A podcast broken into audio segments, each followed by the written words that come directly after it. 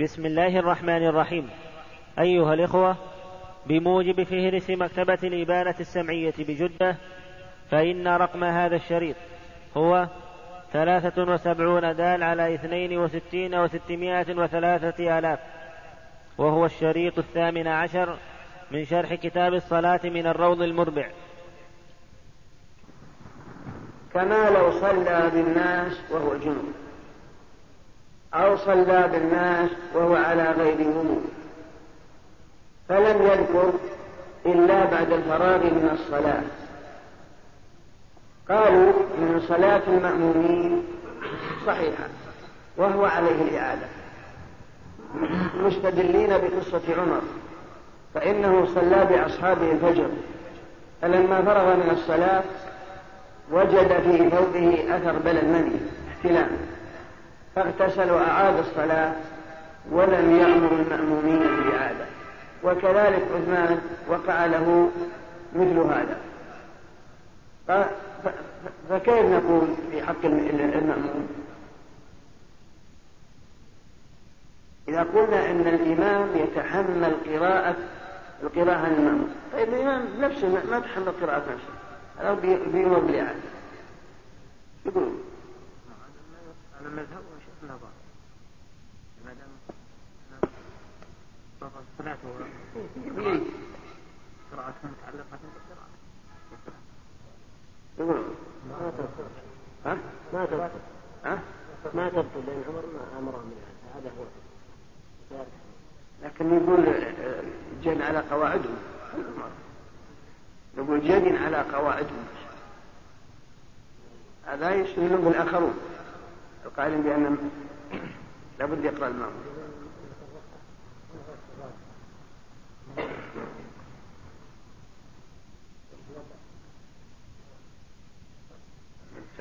قد يستدل بالآخرون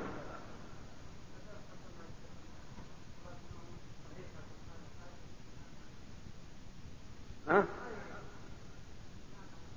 بعد كذا من تحمل القراءة. تقول قلت أنا ما قرأت الفاتحة. تقول أنت مثلا أنا صليت وراء هذا الإمام أنا والله ما قرأت الفاتحة ما في شيء عني يتحمل. لكن اتضح أن صلينا على غير أو أو أن جنوب ما طهر نفسه هذه ما أحمل نفسه حتى حمل شو ها؟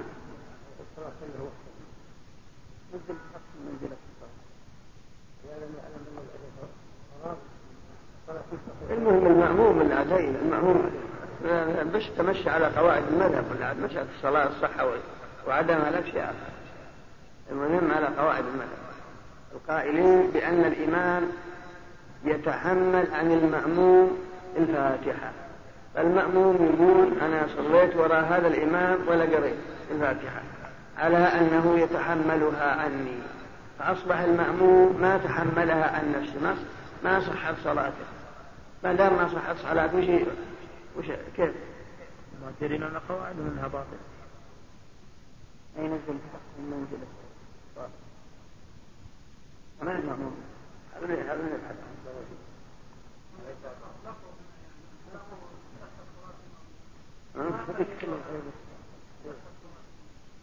نعم.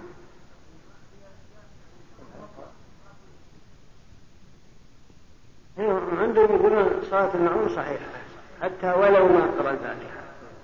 عندهم صحيحة ولو ما قرأ الفاتحة لقصة عمر. لكن هذا يؤثر على قواعدهم يؤثر. إلا أنهم اعتذروا عن هذا. ما قال الأخ قال يقولون أن ما دام أنه ناسي فينزل منزلة المتوضي ما دام أنه صلى بهم ناسي فينزل منزلة المتوضي فيتحملها عنه وإن كان في حقه ما تصح في حقه. تنزيلا للناس منزلة المتوضي لنا أنا أرى أن يقرأ الفاتحة خاصة لا وجوبا. نعم. وجوبا. نعم. وجوبا يقرأها نعم ينبغي أن يقرأ. سرية وجهرية. كله شيخ على القول هذا بقراءة الفاتحة وإذا كان مثل بعض الأئمة لا ليس له سكتات. ولا يمكن الإمام يعني الإمام المأموم يتقيد بقوله تعالى وإذا قرئ القرآن فاستمعوا له وأنصتوا قول جابر كنا نقرأ السكتات رسول الله. ولا السكتات وإذا ركع ما يمكن أن يقرأ ما في أثناء الركعة تفوت الركعة. هو لو قرأت مثلا لو كبرت التكبيرة الإحرام وشبكت في الافتتاح وقريتها قبل الفاتحة قبل أن يقرأها أجزأتك. أو قرأت أنت قبل نصفها بعد أن وصيت مثلا إياك نعبد وإياك نستعين. شرع الإمام لما كمل تبدأ أنت ما قلت اهدنا الصراط المستقيم. هذا كله جائز. أو تقرأ في شكتاته في الفاتحة أو قراءة في السورة. كل ما قرأ آية وسكت تنفس تقرأ أنت آية. وإذا ما أمكن ما في ما تقرأ يقرأ الفاتحة. تقرأ الفاتحة ولو كان هو يقرأ إذا انتهيت من الفاتحة تستمع لقراءته نعم.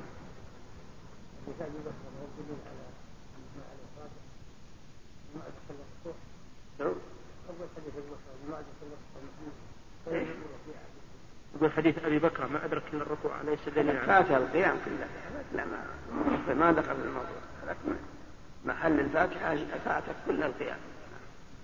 ويستحب لمأموم أن يقرأ في إسرار إمامه أي فيما لا يجهر فيه الإمام.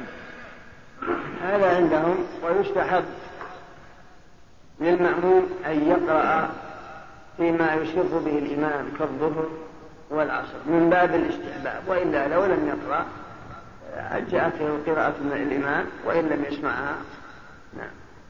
وفي سكوت سكتات الإمام وهي قبل الفاتحة وبعدها بقدرها. كذلك وفي سكتات الإمام يعني يستحب للمأموم أن يقرأ الفاتحة في سكتات الإمام وهي قبلها بعدما يكبر تكبيرة الإحرام وقبل أن يشفع في الفاتحة. هذه سكتة.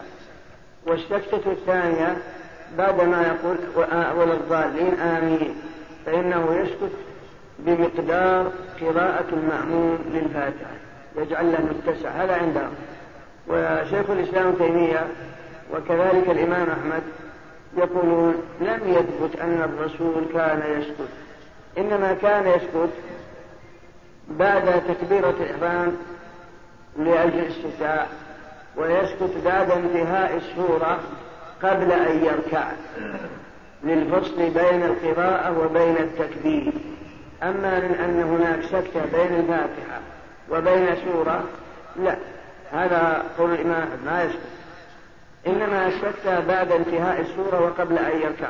لأنه ورد في الحديث نهى الرسول صلى الله عليه وسلم نهى عن الوصال في الصلاة. والوصال في الصلاة فسروا بأن تصل القراءة بالتكبير. مثاله المنهي عنه يقول إن هذا لفي الصحف الأولى صحف إبراهيم وموسى. الله أكبر الله أكبر.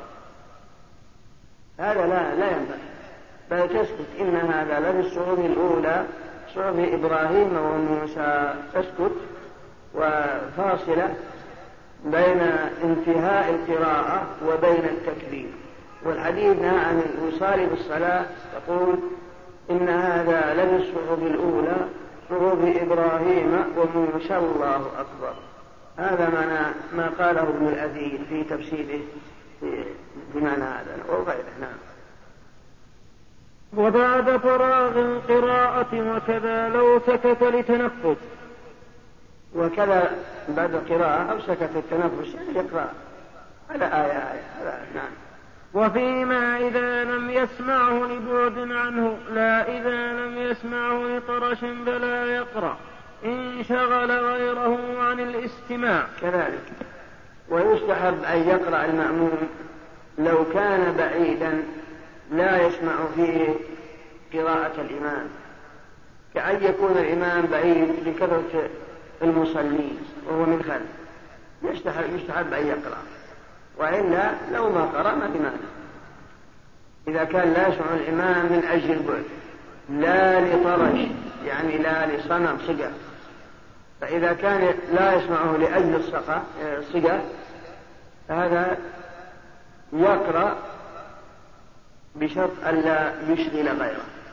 فإن شغل غيره فلا يقرأ لأن المانع هو من قبله. يعني لا يقرأ إن شغل غيره يعني الأطرش الذي منعه من سماع قراءة الإمام هو ما ابتلي به من الصنم فإنه لا يقرأ إذا شغل غيره فإذا لم يشغل غيره بل بينه وبين نفسه فلا لأن من عادة الأطرش تسمع له همهمة يقرأ ويحسب إنه ما ما ما, ما يسمع لأنه بنفسه ما يسمع نفسه. نعم. وإن لم يشغل أحدا قرأ. نعم. ويستفتح المأموم ويتعوذ فيما يجهر فيه إمامه كالسرية قال في الشرح وغيره ما لم يسمع قراءة إمامه. ويستفتح المأموم ويستعيذ من جنس إمامه سواء بسواء. فيما يجهر به إمامه. إلا إذا كان يسمع قراءة إمامه فيسمع فيستمع الصلاة ولا يستفتح. نعم. وما أدركه المسبوق مع الإمام فهو آخر صلاته وما يقضيه أولها. أولها وما يقضيه أولها. وما يدركه المسبوق مع الإمام هو آخر صلاته. وما يقضي يقضي أولها. هذا المذهب. وقيل بالعكس. ومعناه فاتك ركعة. مثلا صلاة العشاء فاتت ركعة. دخلت مع الإمام لا تستفتح لكن إذا كنت قبل الركعة تستفتح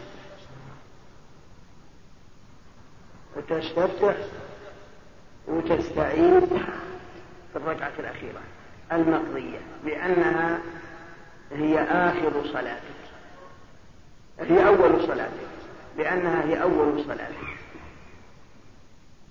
هذا عندهم. ويترتب على هذا أشياء بالنسبة للتوظف مع الإمام وبالنسبة إلى غيره. مستدلين بقوله صلى الله عليه وسلم ما أدركتم فصلوا وما فاتكم فاقضوا. قالوا القضاء والمقضون يدل على أن المقضية هي الأولى.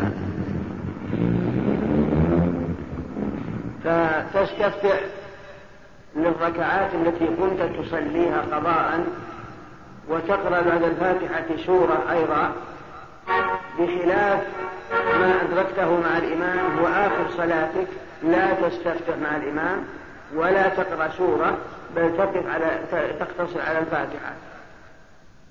بدليل قوله وما أدركتم فصلوا وما فاتكم فقروا والقضاء يحكي الأداء يعني القضاء هو قضاء الشيء الذي فاتك وهو أولها. أما القول الثاني لا. فالذي أدركته مع الإمام هو أول صلاتك. والذي كنت تقضيه هو آخرها. لأن النبي صلى الله عليه وسلم قال ما أدركتم فصلوا وما فاتكم فأتموا.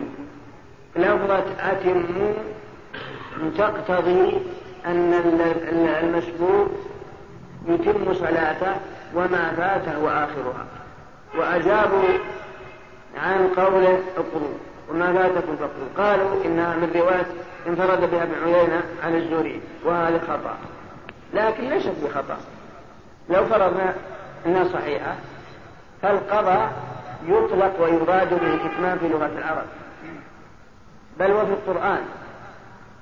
قال الله تعالى فإذا قضيت الصلاة فانتشروا. يعني أتمت وأكملت. ليس المراد أن الشيء فات التكبير قال فإذا قضيتم مناسككم فاذكر يعني إذا أتممتم مناسككم فاذكروا الله. فإذا قضيت الصلاة فإذا أتمت الصلاة وأكملت فانتشروا في الأرض.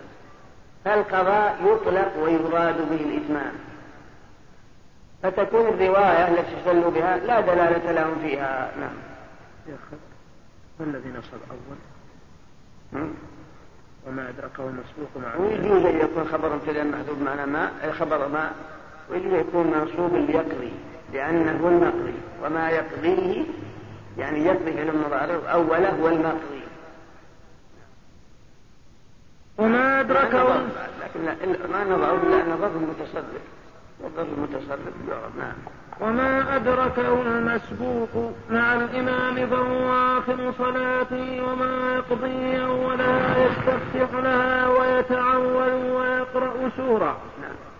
لكن لو أدرك ركعة من رباعية أو مغربية يتشهد عقب أخرى ويتورك معه. لكن لو أدرك مع الإمام ركعة من رباعية فإنه يجلس عقب الأخرى لأن تشهده مع الإمام في غير محله ما هو إلا من أجل المتابعة. مثاله يصلي العشاء الآن ولا أدركته إلا ركعة واحدة. تابعة سلم الإمام. تقول أنت تجيب ركعة وتجلس. طيب أنا تشاهد مع الإمام نقول تشهد كذلك مع الإمام لا يعتبر. لأنه في غير محله وإنما وجب عليك لأجل المتابعة. فإذا صليت ركعة اجلس لأنك صليت ركعتين وهذا هو التشهد الأول في حقك. كذلك المغرب شاد فيها تشهدات. مثلا أدركت مع الإمام ركعة. أو ما أدركت إلا ركعة واحدة. مثلا فاتك ركعتين. أو أدركت مع ركعة. كل واحد. أدركت ركعة. الركعة الثانية جلس الإمام للتشهد. أنت جلست معه. قام الإمام يأتي بالثالثة قمت معه وجلس جلست معه. صار في حقك الثنتين سلم قمت أنت وجبت الثالثة تجلس أصبحت جئت بثلاث تشهدات المغرب. أما الأول تشهد المتابعة الإمام والتشهد الثاني في حق الإمام اللي هو الثالث. أو اللي هو الثاني في حقه هو الأول بحقك ثم بعد مجيئك بركعة تأتي بالتشهد الأخير لحقك نعم. التشهد الأول بحق يزيد ويدعو كلمة لا. أو يكرر التشهد؟ عندهم يكرر. يكرر ولا يسكت ولو زاد ما في مثل مسألة المدرك أول الصلاة وآخرها مثل تكبيرة الإحرام. هي الأولى يعني مطلقة على القولين أي شيء الذي يترجح الأول الذي يدرك الأول ولا الآخر؟ الخلاف فيه شيء عليه لكن من يدركه أول الصلاة وبعد ذي آخر. ما ما أشوف فيها إلا لفظة لكن في رواية أخرى يا شيخ تطلق ويراد بها الإجمال كما في الآيات المشار إليها. تكون رواية كلها ما ما فيها منافع هذا من القبول يطلق ويراد بها مؤيدة أتم. ما قلت في رواية أخرى يا شيخ فأتم. إيه؟ ها؟ رواية أخرى ثانية فأتم. فأتم. مشهور صحيح. أما الآن فنترككم مع مجلس آخر من هذا الشرح. ومن ركع أو سجد قبل إمامه فعليه أن يرفع ليأتي به بعده فإن لم يفعل عمدا بطلت. وإن ركع ورفع قبل ركوع إمامه عالما عمدا بطلت. وإن كان جاهلا أو ناسيا بطلت الركعة فقط. وإن ركع ورفع قبل ركوعه ثم سجد قبل رفعه بطلت. إلا الجاهل والناس ويصلي تلك الركعة قضاء. الحمد لله رب العالمين وصلى الله وسلم على أشرف الأنبياء والمرسلين. نبينا محمد وعلى آله وصحبه قال رحمه الله تعالى ومن ركع أو سجد أو رفع منهما قبل إمامه فعليه أن يرجع ليأتي به أي بما سبق به الإمام بعده لتحصل المتابعة الواجبة. بسم الله الرحمن الرحيم. قال رحمه الله تعالى ومن ركع أو سجد أو رفع منهما قبل إمامه فعليه أن يرجع ليأتي بذلك الركن الذي سبق به إمامه ليأتي به بعده فإن النبي صلى الله عليه وسلم يقول إنما جعل الإمام ليؤتم به فلا تختلفوا عليه. إلى أن قال فإذا ركع فاركعوا ولا تركعوا حتى يركع. وهكذا بقية أركان الصلاة. المعنى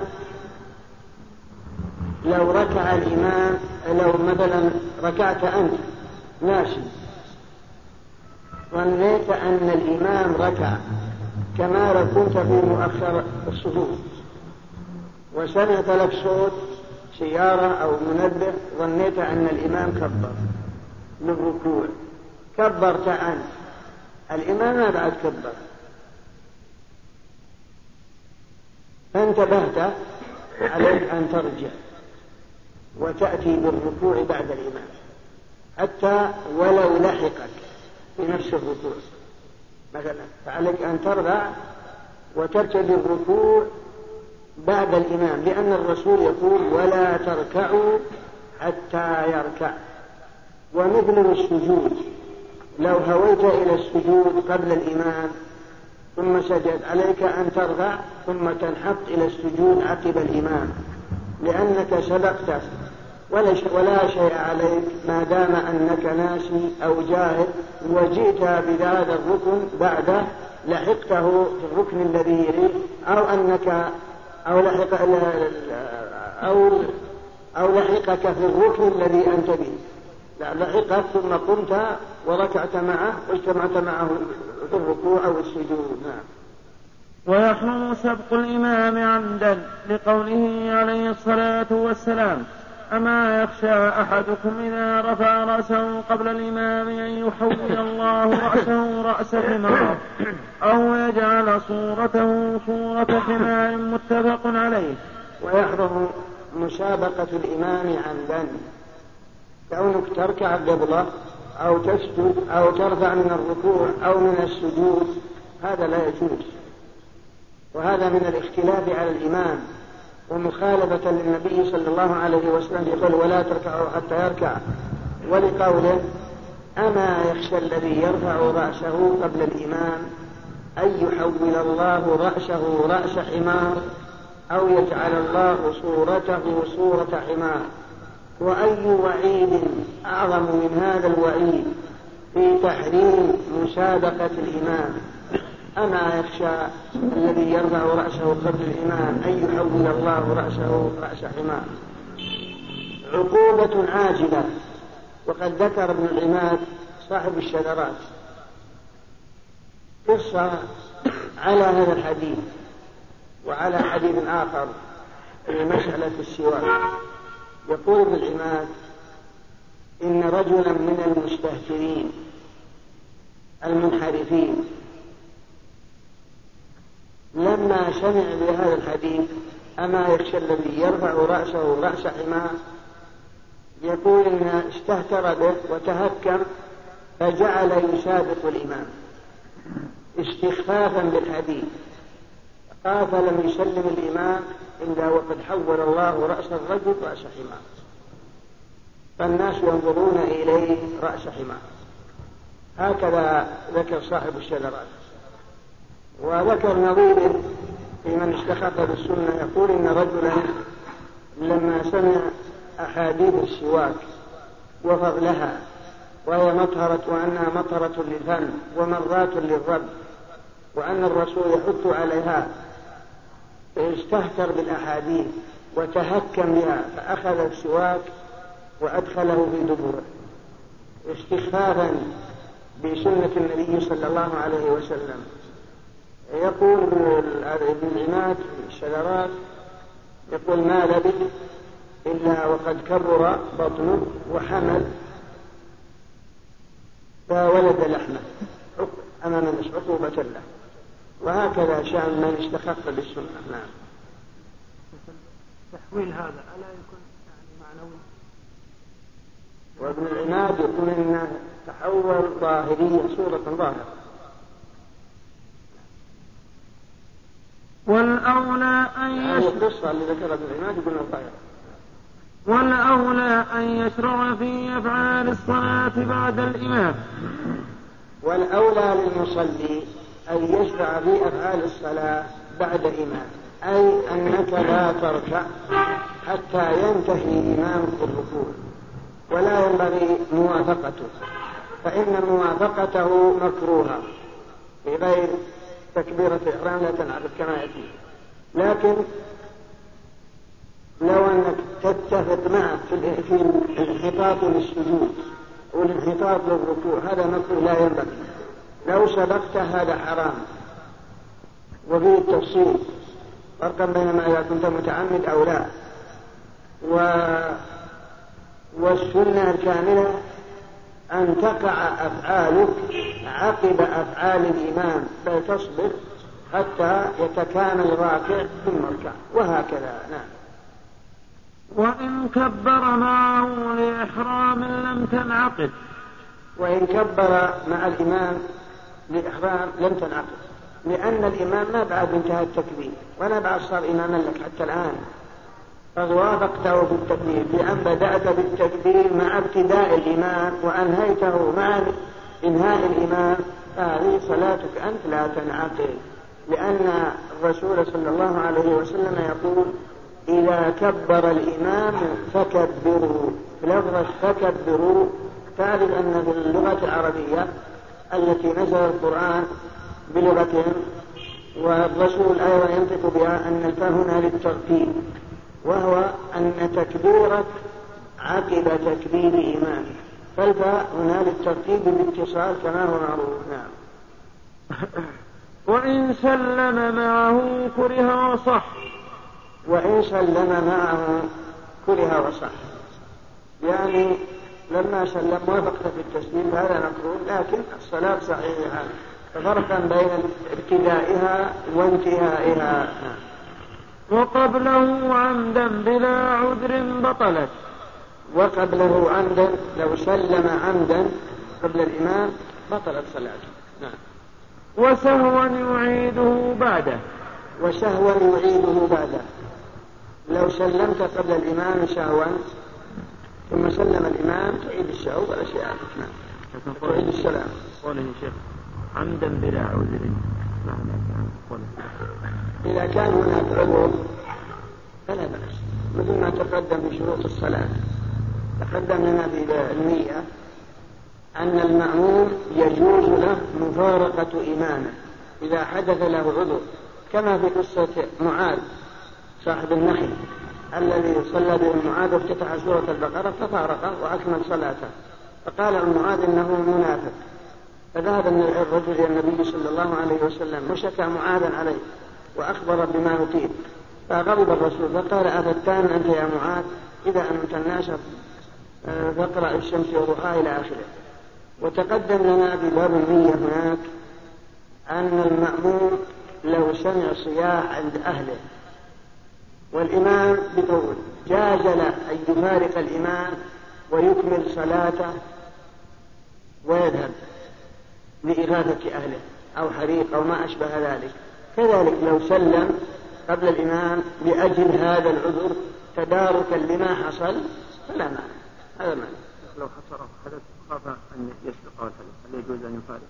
ها؟ لو خشي آه، أن يسبقه الحدث هل يجوز أن يفارقه؟ يعني المأموم نعم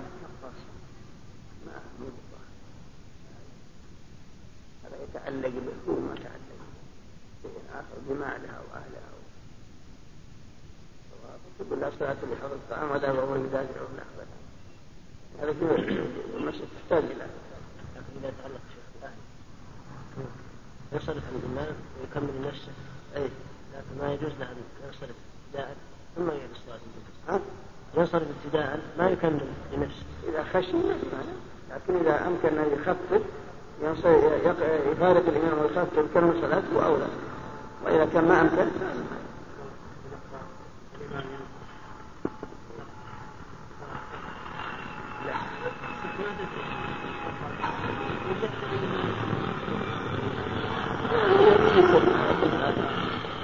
أقول لا بد من يلي من ولكن إنه يخفف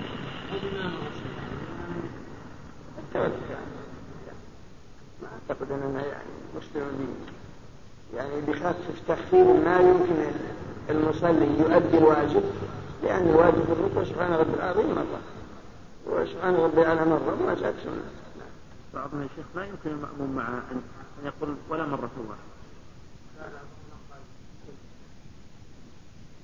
ما يمكن ما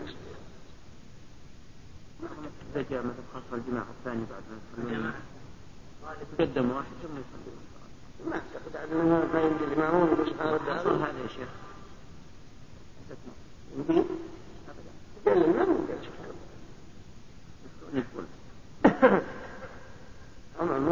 الإمام هو مؤدي الواجبات إذا كان كذا في قولة الشيخ المأموم الله أكبر ولا لا؟ رفع. لكن إذا انفصل عن الإمام ينفصل عنها من يكبر تكبير الإحرام إذا كان الإمام مثلا لا لا يعيد. يعيد. تكبيرة الإحرام. نعم مش وسهوا يعيده بعده وإلا بطلت. يعيد التكبيرة في الصور. لا اللي ما يتم الركوع على الشيخ لا لا يقصد الشيخ لو أنا لأن صلاة الإمام ده ما صحت يا ما صحت ما صحت صلاة الإمام لا يقصد الشيخ من فارقه لعذر كقصة صاحب معاذ هل يستأنف أم يبني؟ لا لا يبني. يعني ما يكبر تكبيرة لا لا لا. لا حتى لو صلى ركعة يبني على الركعة اللي راحت ما تبقى. وسهوا يعيده بعده وإلا بطلت. فإن لم يفعل أي لم أي لم يعد عمدا أي لم يعد عمدا حتى لحقه الإمام فيه بطلت صلاته لأنه ترك الواجب عمدا. كذلك فإذا سبق المأموم إمامه بركن ولم يأت به عقب إمامه عمدا بطلت صلاته فمثلا سبقت الإمام بأن ركعت قبله ولحقت ولا عودت. ما أتت به بعده عمدا عالما بالعقوق فصلاة باطلة وإن كان سهوا أو جهلا فصلاته صحيحة ويعتد به. وإذا كان عدم عودته سهوا أو جهلا فلا مانع. وفي لأمتي أن قطع أنسا مثلا سبقت الإمام غير متعدد. لكن الإمام لا. في هذا الركن الذي أنت فيه. قلنا يجب أن أن تأتي به بعده إن كان متعمد بطل فإن كان ما يدري عن الحكم جاهل أو سهى متعلم لكن السهى صحيحة إن شاء الله. نعم. الله إليكم إذا رجع يكتفي بالتكبير الأول أو يكتفي بالتكبير الثاني؟ لا لا يكتفي بالتكبير الأول. وإن ركع ورفع قبل ركوع إمامه عالما عمدا بطلت صلاته لأنه سبقه بمعظم الركعة. وإن ركع إيش؟ وإن ركع ورفع قبل ركوع إمامه عالما عمدا بطلت صلاته لأنه سبقه بمعظم الركعة. وإن ركع ورفع قبل إمامه عالما عمدا بطلت صلاته. لأنه سبقه بمعظم الركعة حتى ولو لم يركع اعترض على الشارع هنا. ما دام إن سبق عمدا مثل ما تقدم إذا سبق عمدا فهذا تبطل سواء بركن أو ركنين. نعم. ما دام أنه متعمد. لأنه متلعب وإن كان جاهلا أو ناسيا وجوب المتابعة بطلت الركعة التي وقع السبق فيها فقط أي فيعيدها وتصح, وتصح صلاته للعذر. وإذا كان جاهلا أو ناسيا صحت صلاته إلا أن هذه الركعة التي سبق فيها إمامه بركنين يقضيها لأنها بطلت تلك الركعة فقط. أما صلاته لا تبطل مثاله مثلا إنسان ركع قبل إمامه ورفع قبل إمامه ووقف قبل أن مثلا سجد ركع ورفع ثم سجد لأن ما يتخلص من الركن إلا بمفارقته. ثم إن الإمام ركع ورفع في السجود. إن سبقت بركنين الركوع والرفع منه. مثلا ركعت ورفعت ثم سجدت. الإمام ركع ورفع ولحقت في السجود. لا شك إن كنت متعمد بطلت فإن كنت جاهلا أو ناسيا بطلت تلك الركعة التي شرقت بها إمامك بهذين الركنين. فإذا سلمت تقوم تجيب ركعة. بديلا من تلك الركعة التي بطلت. نعم. إيش؟ لا إذا كان بركن وكان الركن غير الركوع هذا لا مانع. إذا كان جاهل أو ناسي تصح عنده. أما إن كان الركوع فلا. لأن الركوع عندهم غير بقية أركان الصلاة يقول لأنه معظم الركعة. هذا عندهم ولكن مذهب أبي حنيفة والشافعي أن الركوع. كغير من سائر الأركان نعم نعم وإن سبقه مأموم بركعتين بأن ركع ورفع بركعتين بركعتين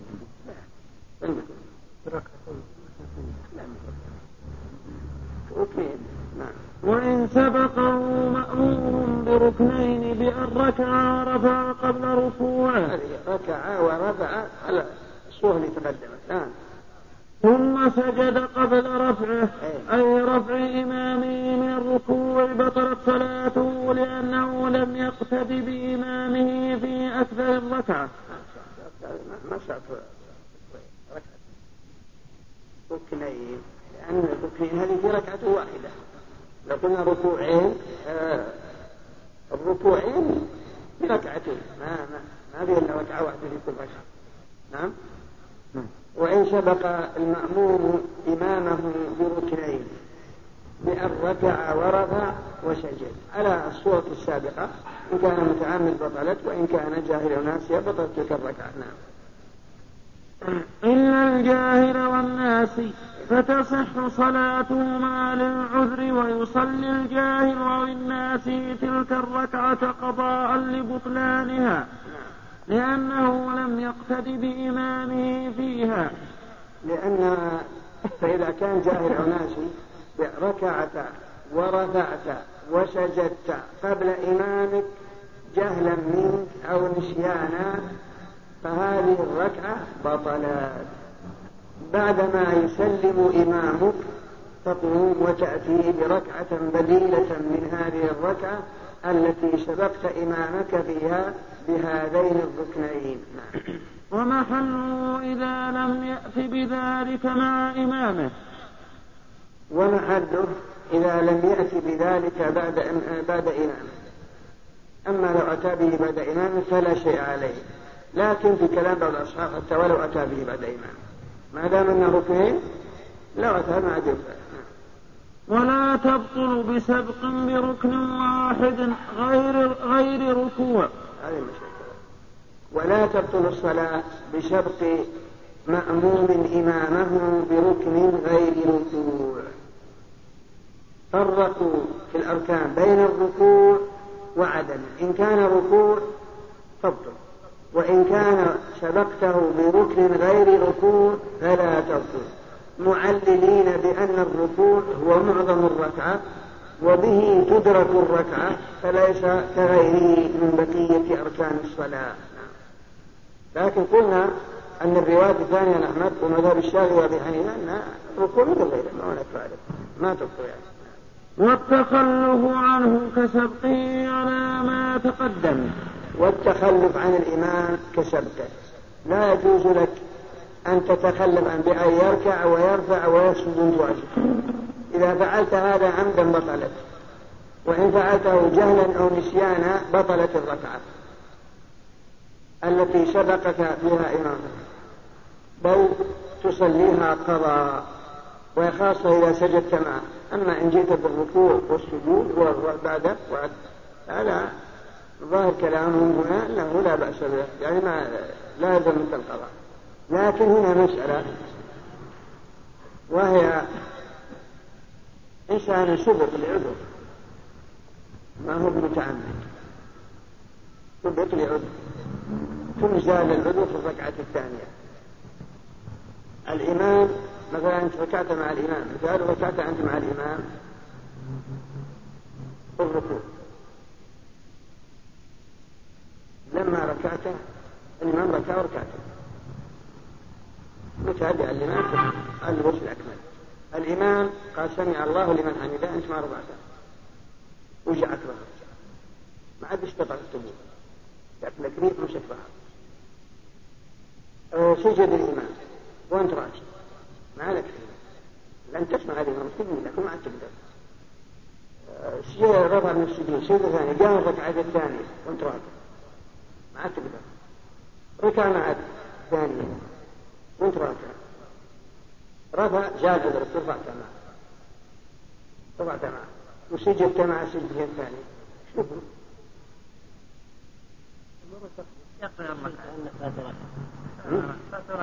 لكن ركعة اللي صارت ملفقة ركوع ركوعه جاء في الركعة الأولى وسجدات الركعة الأولى جاءت سجدات الركعة الثانية الإمام فأصبحت ملفقة هل تصح الركعة في حق الإمام ولو كانت ملفقة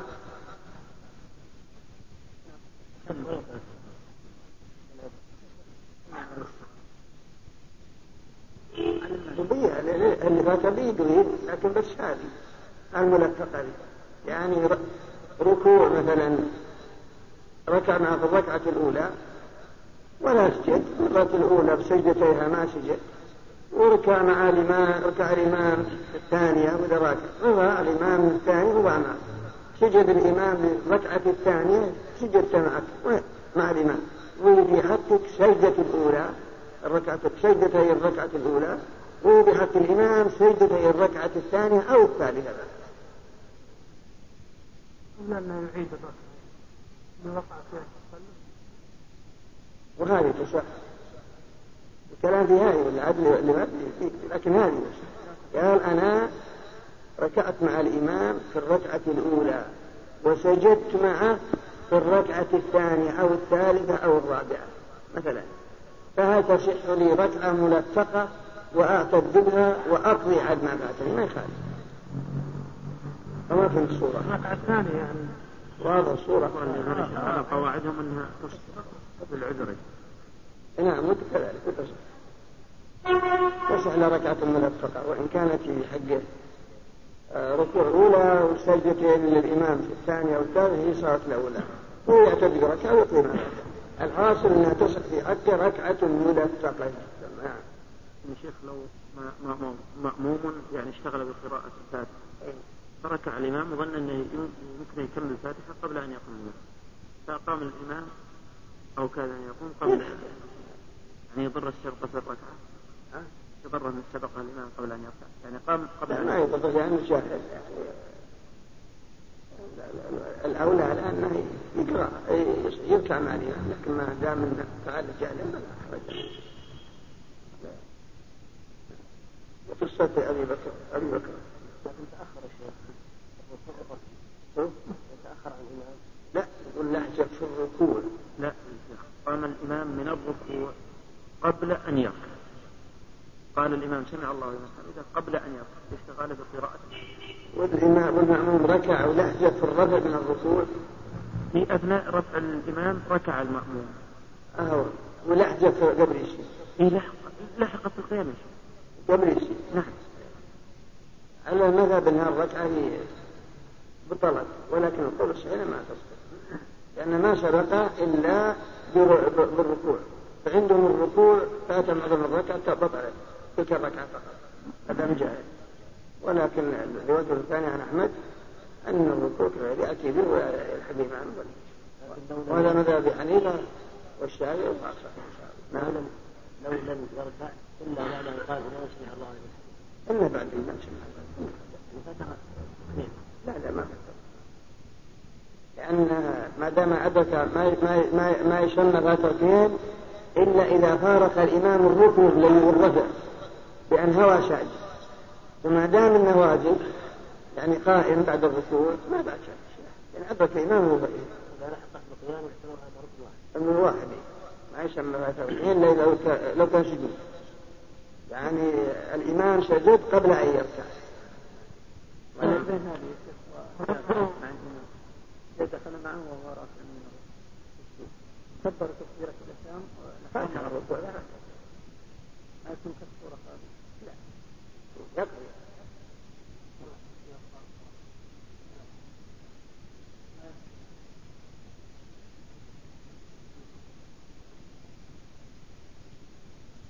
ما في مانع بس برأس مو بجملة. ما في مانع. كان يحتاج إنه يستوي في ناظره لكنه لا يثبت بجملة بصدره كله. يعني لو ثبت بجملة بطل صعب أما يعني. الالتفات بس بالراس المصدر لا حرج. ركع مع الإمام. قال الإمام سمع الله لمن حمده رفع. بعد رفع الإمام اتى شخص وصاف هذا يعتبر ركعة صحيحة. صحيح. هذا ما هو صحيح. ما دام جاء قبل يسجد قبل يسجد صحيح. عند قول أما الآن فنترككم مع مجلس آخر من هذا الشرح. ويسن لإمام التخفيف مع الإتمام. ويسن لإمام التخفيف مع الإتمام. وتطويل الركعة الأولى أكثر من الثانية. ويستحب انتظار داخل ما لم يشق على معموم وإذا استأذنت المرأة إلى المسجد كره منعها. وبيتها خير لها. العالمين وصلى الله وسلم على أشرف الأنبياء والمرسلين نبينا محمد وعلى آله وصحبه. قال رحمه الله ويسن للإمام التخفيف مع الإتمام لقوله صلى الله عليه وسلم إذا صلى أحدكم بالناس فليخفف. قال في المبدع ومعناه أن يقتصر على أدنى الكمال من التسبيح وسائر أجزاء الصلاة. رحمه الله تعالى ويسن للإمام التخفيف لا ينبغي له أن يطيل على الناس.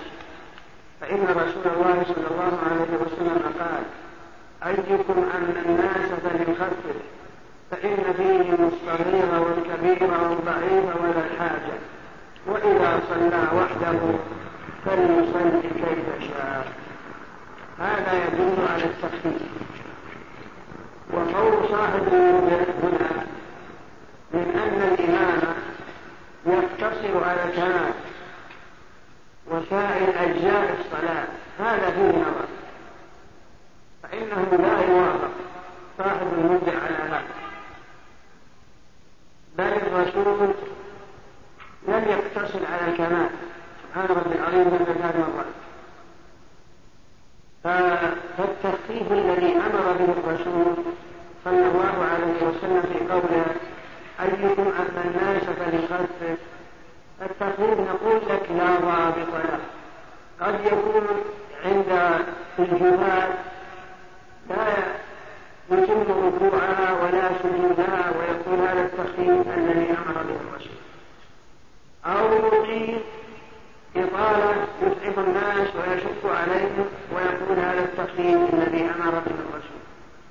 فهذا التخفيف الذي أمر به الرسول لا نعتبر الجهاد الذين لا يتمون ركوع صلاتهم ولا سجودها ولا نعتبر نعتبر نعتبر الذين يتمون بل نرجع إلى تفسير التخفيف إلى فالذي أمر بالتخفيف فسره لنا بفعله صلى الله عليه وسلم في صلاته للجمعه وصلاة الأعياد وصلاة والفرائض فنرجع إلى مقدار ما كان الرسول يفعله لأن التخفيف أمر لا ضابط له لكن لا نرجع إلى ذلك. فهو في الحديث حديث الجمعة إن طول صلاة الرجل وقصر خطبته مئنة من فكر. يعني علامة على فكر. فقوله صلى الله عليه وسلم إن طول صلاة الرجل تريد أن تقرأ بنا البقرة؟ وآل عمران تقول الرسول يقول إن طول صلاة الرجل وخلفك الشايب والضعيف والحاجة والمريض والحصان. إن طول صلاة الرجل نرجع إلى تفسير هذا الطول بفعله بفعله صلى الله عليه وسلم. فنفسر هذا الطول بالشيء الذي كان يفعله هو فهو يقرأ سبح اسم ربك الأعلى وهل أتاك حديث غاشية؟ وربما قرأ سورة الجمعة والمنافقين وربما قرأ في الأعياد سورة قاف. واقتربت الساعة فنرجع إلى فعله صلى الله عليه وسلم. لا إلى ما قاله صاحب المبدع هنا من أنه يقتصر الإمام على كما أدنى الكمال. فماذا يقول؟ سبحان ربي العظيم سبحان ربي العظيم سبحان ربي سمع الله لمن ربنا ولك الحمد. الله أكبر. أهل العلم أن ربنا ربنا ولك الحمد فقط. فهم إذا شهد سبحان ربي الأعلى سبحان ربي الأعلى الله أكبر. رب الله أكبر. لأن الواجب رب اغفر لي وما زاد في سائر الأجزاء فلنعتبر الكمال على الصفة الذي كان النبي صلى الله عليه وسلم يصليها مع مراعاة الجمع الكبير. إذا كان الجمع كبير فالإمام عليه أن يلاحظهم. لابد هذا الجمع الكبير أن يوجد فيهم المتعبان والمريض والحصران وذي الحاجة وال... لا ينبغي له أن يقيم. لا ينبغي له أن يقيم بل على وفق ما كان الرسول سبح هل أتاك هذه الغاشية في بعض الأحيان؟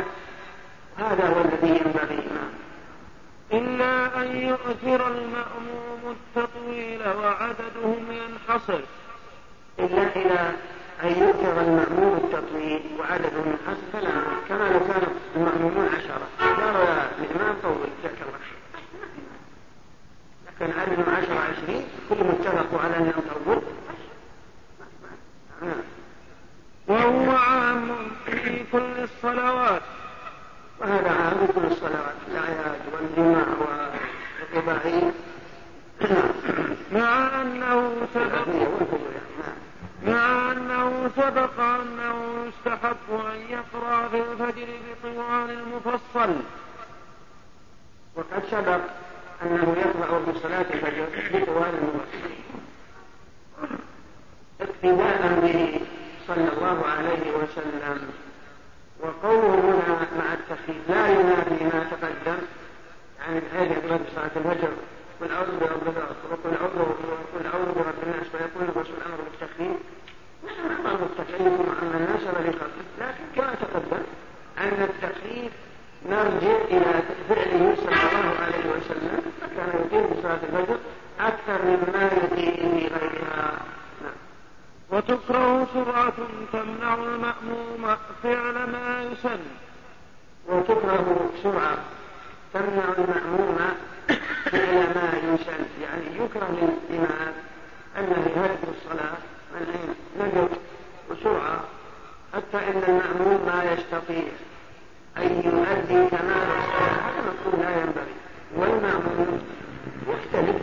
ولد المشير في هذا الإمام شاهد المشير تعبان. إذا سجد الإمام متى يصلى؟ وإذا نام متى يقوم على يديه يبدو أن الإمام هو إخوان المأمومين نعم.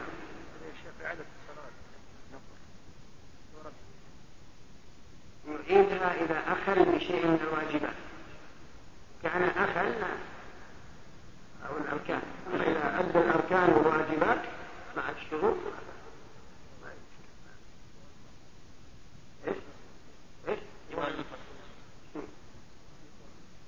غير مفصل من قال. من قال إلى عن هذا طوال المفصل نعم. كان الطويل يمشي يشبه الإمام القاف لا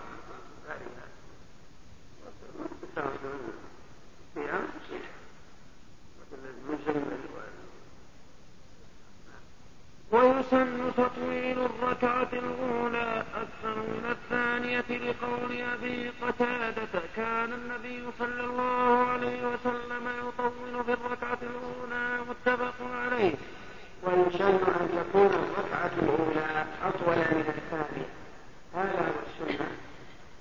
ابتداء به صلى الله عليه وسلم. وربما كانت الثانية أطول لا يضر كسورة الغاشية مع سورة لا لا آه سورة الغاشية أطول من سورة شدة بقلب على ذلك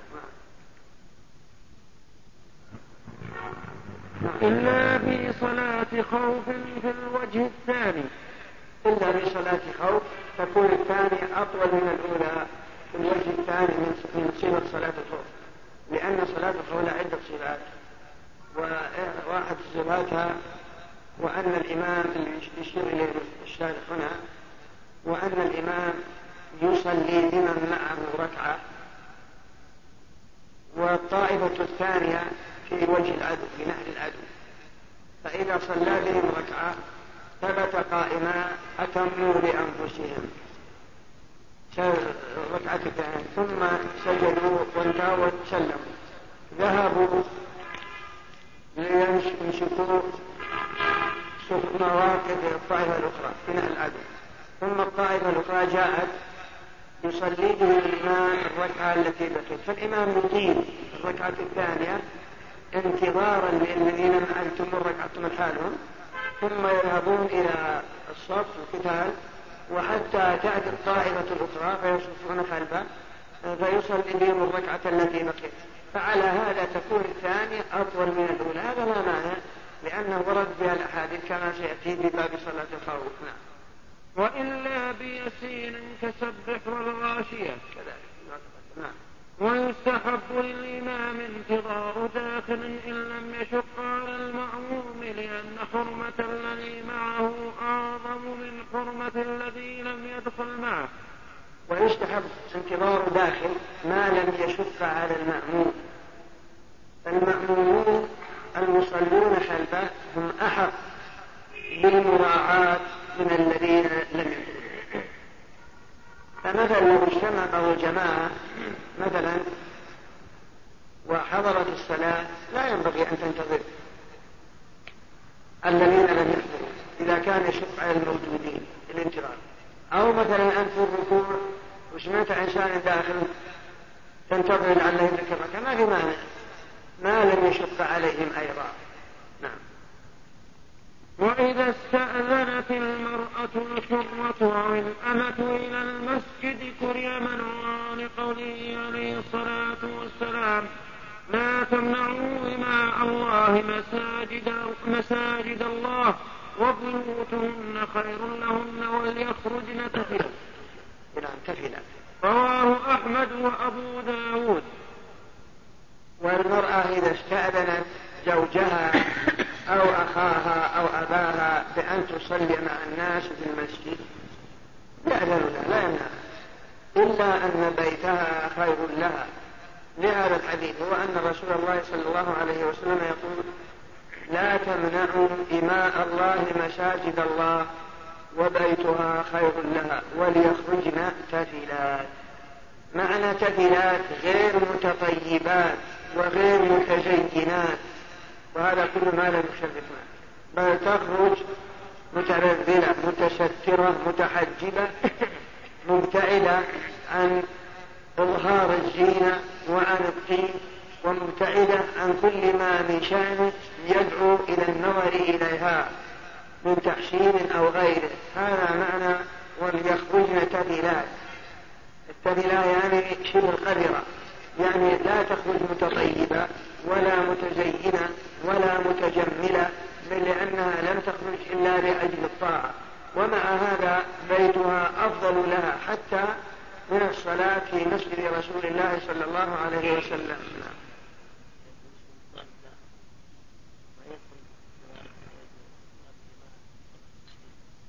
إيش؟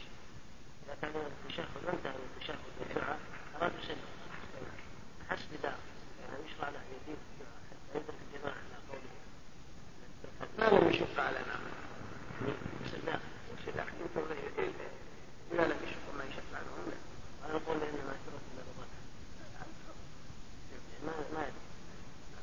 إذا قلنا أن المراد يعني أفضلية صلاة المسجد الحرام خاصة في المسجد هل الأفضل أن تصلي في الحرم أو تصلي في بيتها؟ على مسألة الحرم هي خلاف. هل الفضل خاص بالحرم أم عام في مكة كلها وفي مساجدها لأن الله أطلق بأنها حرم.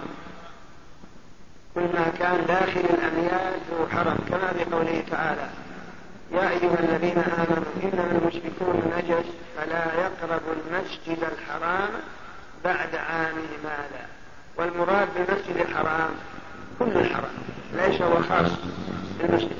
فلا يقال إن اليهودي أو النصراني أو المسلم يجوز أن يدخل مكة إلا أن لا يدخل الحرم بل ممنوع أن يدخل مكة كلها. كل ما كان داخل حدود الحرم. فالمسجد يقولون بعضهم أنها ليس هو خاص بالحرم فيكون الفضل عام. ويستدلون أيضا ب ولا تقاتلوا عند المسجد الحرام حتى يقاتلوكم به فإن قاتلوكم فاقتلوهم. كذلك أيضا يقولون عام في الحرم كله أما المذهب يقولون له خاص بالمسجد الحرام. نعم عام يعني الظاهر وجه. نعم وتخرج غير مقيدة إلا أن الحرم أفضل على كل حال. نظرا لمشاهدة الكعبة ولكثرة الجمع. في الحرم ما كان أكثر فهو أحب إلى كلما كثر الجمع كان أفضل وكلما قرب من الكعبة فأفضل وتخرج غير مطيبة ولا لابسة ثياب زينة. وبيتها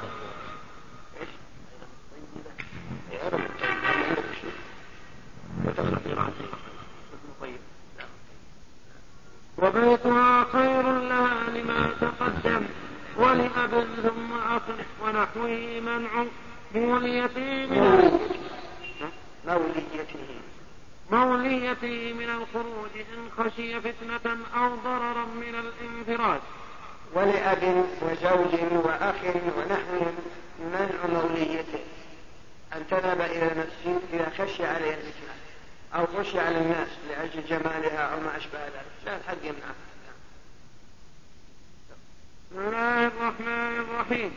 الحمد لله رب العالمين. الحنابلة يذكرون في هذا الموضع أحكام الجن. بعدما ينتهون قبل الإمامة ويكون شيء من أحكام الجن هنا. ويقولون أن الجن تنعقد بهم الجماعة. لو صليت حالك جماعة جني أصل الثواب. ثم أيضا فرعوا على مسألة الجن هنا. بالنسبة إلى نزولهم إلى أجسام بني آدم وبالنسبة إلى طهارة أبوالهم وخيرهم وبالنسبة إلى مؤمنهم وكافرهم إلى غير ذلك المهم من يعني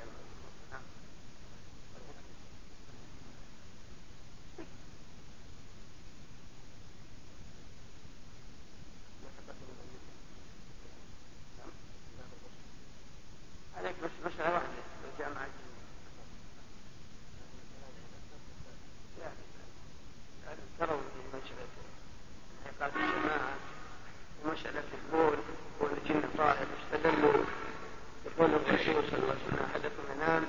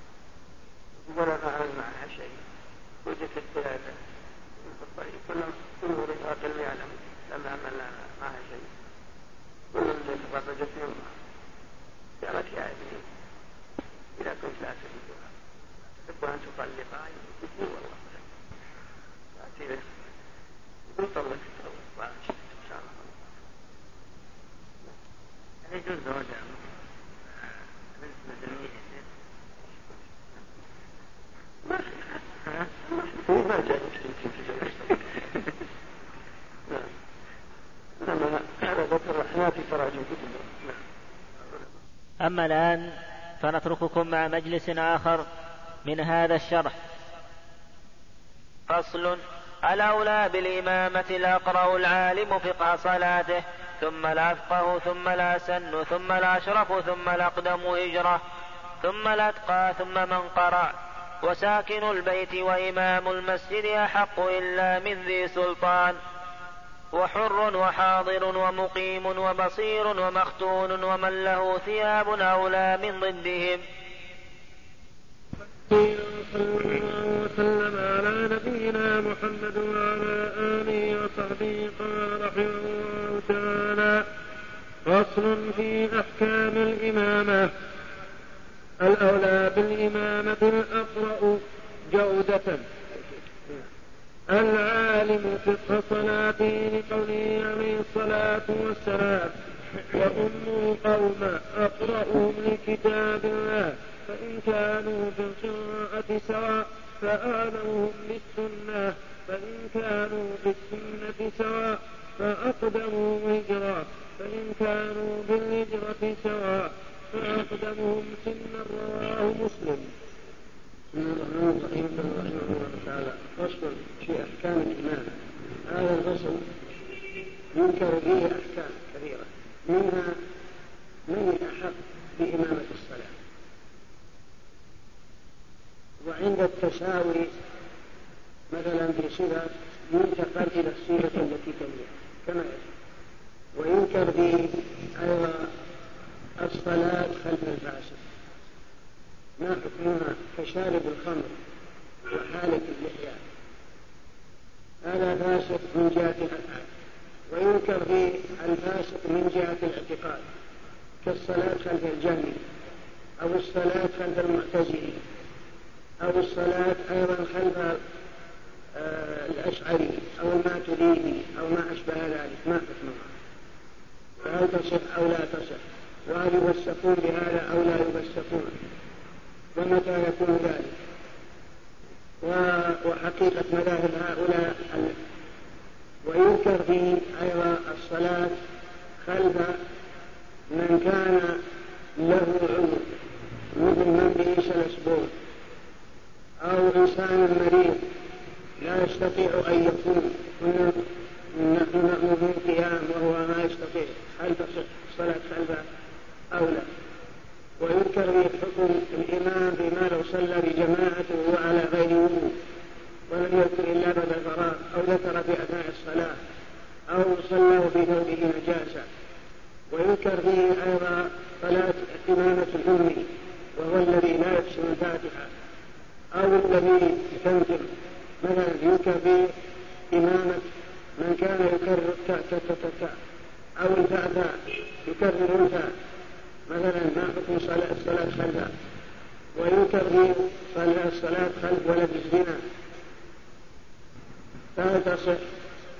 ولو أو لا تصح ولو سلم دينه والصلاة خلف الجودي وينكر به أيضا صلاة المفترض خلف المتنفل وصلاة من يصلي العصر خلف من يصلي الظهر أو من يصلي الظهر خلف من يصلي العصر. أو صلاة من يصلي العشاء خلف من يصلي التراويح. وما أشبه ذلك. كل هذه الأحكام موضوعها هذا الفصل ثم الفصل الذي يليه موقف المأمومين من الإمام هذه الأحكام كلها تتعلق بهذا الفصل فقوله يظن القوم أقرأهم جودة لكتاب الله. يعني إذا كان يعرف القرآن ويؤديه على الوجه الأكمل وهو عالم بذكر صلاته ولا. إذا كان عالم بذكر الصلاة مع قراءة جيدة هو أولى. لأن شعر الحديث من قرأ القرآن فأعرض فله بكل حرف عشر حسنات. ومن قرأ القرآن ولم يعرفه فله بكل حرف حسنة بمعنى نحن إلا أن نحن إلى المعنى يؤم القوم أقرأهم لكتاب الله والأقرب بمعنى الأجود أجود قراءة يؤدي على الوجه الأكمل. العالم بمثل صلاته ثم الأبقى ثم الأقدم الهجرة ثم الأسن بقوله صلى الله عليه وسلم يحب القوم أقرأهم لكتاب الله فإن كانوا بالقراءة سواء فأعلمهم بالسنة فإن كانوا بالسنة سواء فأقدموا الهجرة لأن له سبقا الإسلام وهذا يعطيه مزيد فإن كانوا بالهجرة سواء فأقدمهم سنا ثم إن استووا في القراءة فالأفقه لما تقدم فإن اجتمع فقيهان قارئان أو أحدهما أفقه أو أقرأ قدم فإن كانا قارئين قدم أجودهما أجودهما قراءة. كذلك. فإذا كفى يقدم بالإمامة الأقرأ الأجود. الأفقه فإن تساووا فيقدم الأفقه إذا كان الاثنين كلهم قراءتهم جيدة وكلهم فقهاء نشوف الأفقه من الفقيهين وهو أحد أو كانوا قارئين نقدم أجودهما قراءة. نقدم أجودهما قراءة. نعم. ثم أكثر ثم أكثرهما قرآنا. ثم أكثرهما قرآنا. الذي حفظ القرآن كله أولى ممن لم يحفظ إلا بعضه. ومن حفظ نصفه وأجاد هو أحق بالإمامة ممن لم يحفظ إلا نحو سبعة أجل أو ثمانية. لأن هذا أكثر. نعم. لو كان الذي حفظ بعضه. أفقه وأعلم بالصلاة ممن حفظ يقدم. ويقدم قارئ لا يعرف أحكام صلاته على فقيه أمي ويقدم قارئ لا يعرف أحكام صلاته على فقيه أمي لأن الفقيه الأمي لا يحسن ذلك لأن معنى الأمي؟ هو الذي لا يحسن ذلك والفاتحة ركن من أركان الصلاة. فلو فرضنا أن هذا قارئ جيد لكنه ما يعرف أحكام السهو ولا أحكام الصلاة وهذا فقيه لكنه ما يعرف أو دراسة الفاتحة ضئيلة سنقدم هذا الذي يحسن الفاتحة بأجر ركنيتها.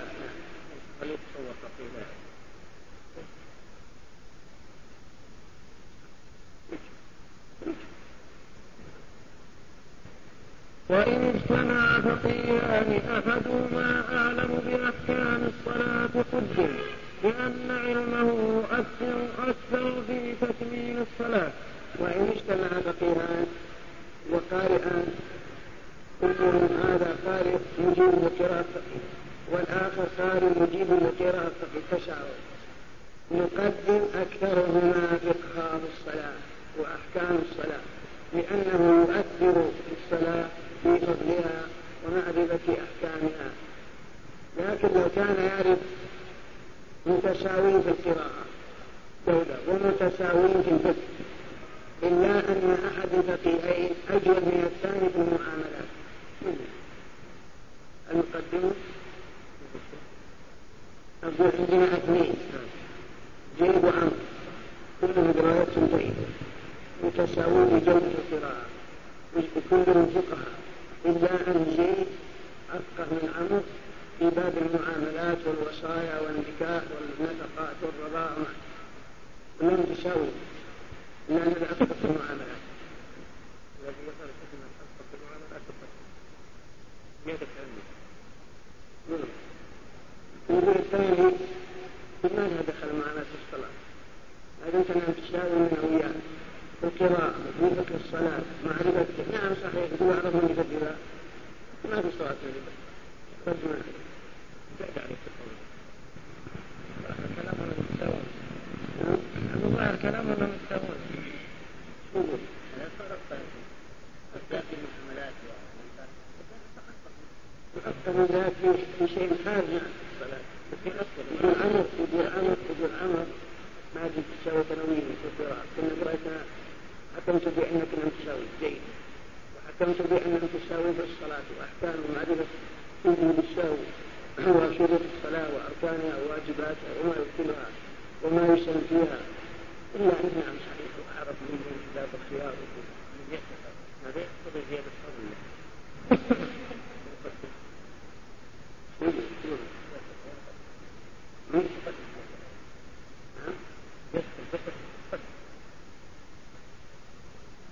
أمر يقول أنا فما فمو في شيء وأنا من يأتي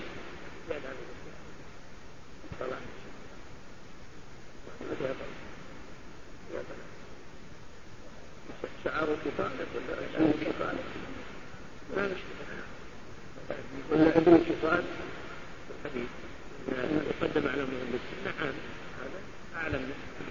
منه من يقدم نعم.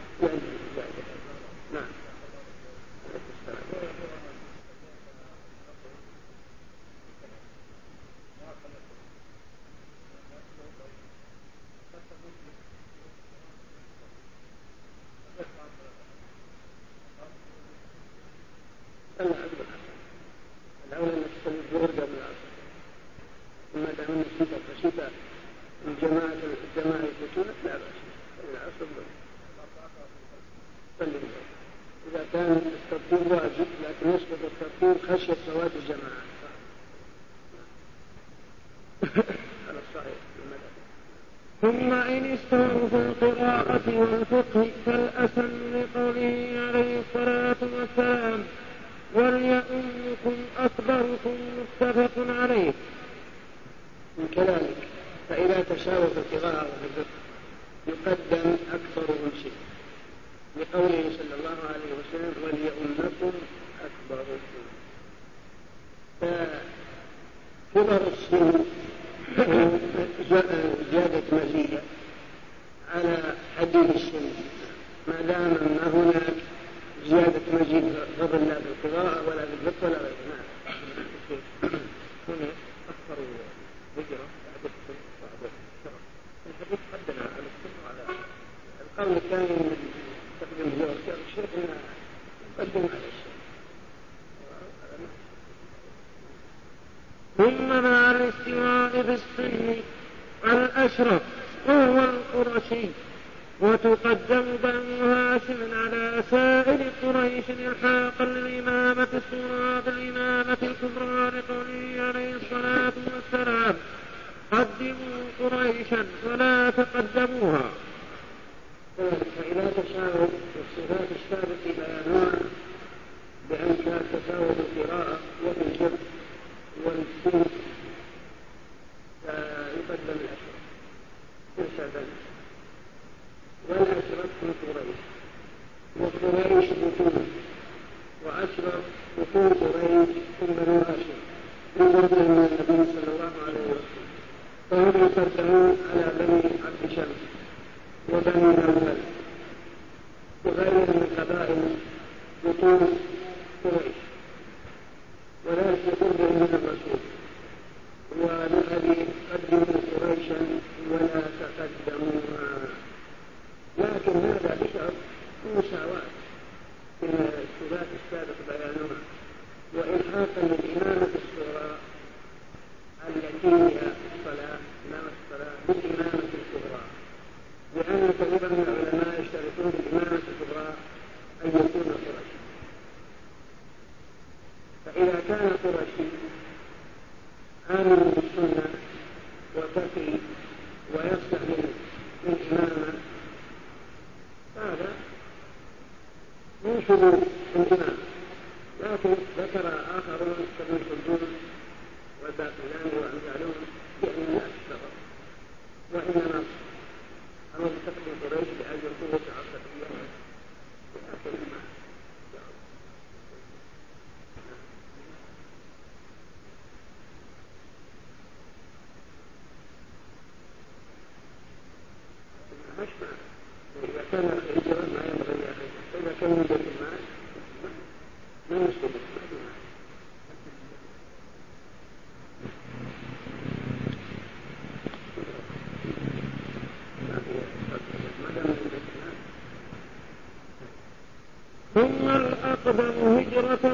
الإسلام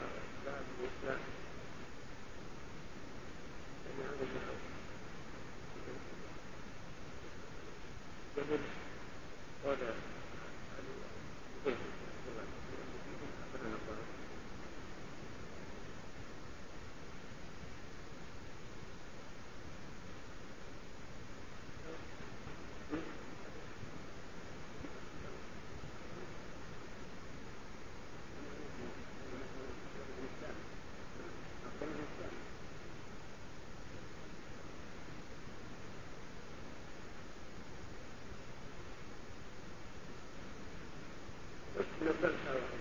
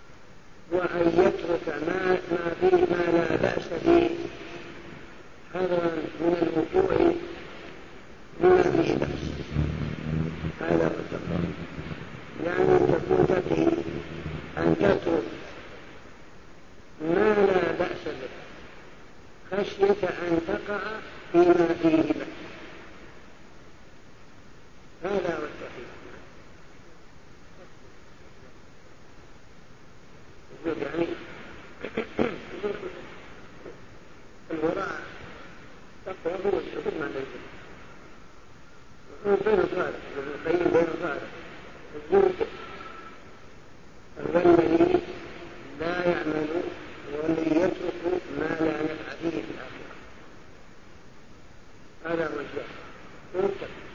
يترك ما لا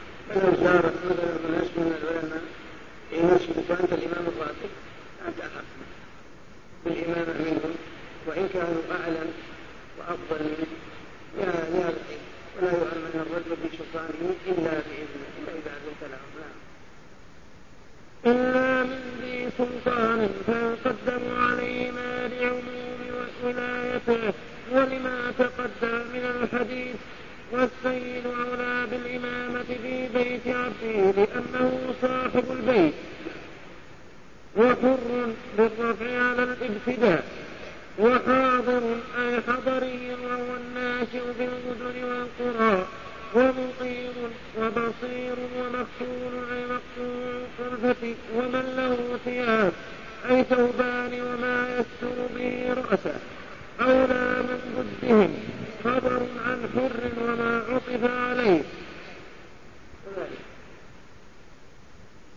وإمام المشاكل هو أحق بالإمامة ممن هو أعلم وأقل. ولا يعود ببيته ولا بسلطانه لنفسه إلا بإذنه. ما عدا السلطان الأعظم. السلطان الأعظم هو أحق لماذا؟ من الولاية العامة. في بيت عبده لأن العبد وبيته لأن العبد وبيته بسيد من كل شيء. فيعتبر بيته. وحر ومقيم وبصير ومختون ومن له ثياب أولى من فالحر أولى من العبد. والبصير أولى من الأعمى.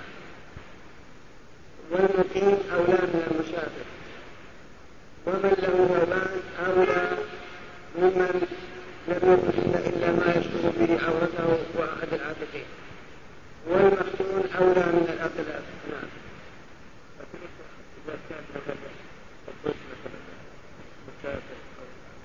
أقرأ أو أكثر. من هذا هل يقدم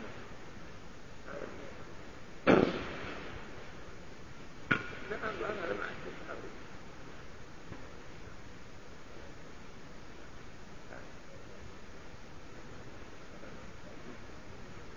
أحد عاتقين نعم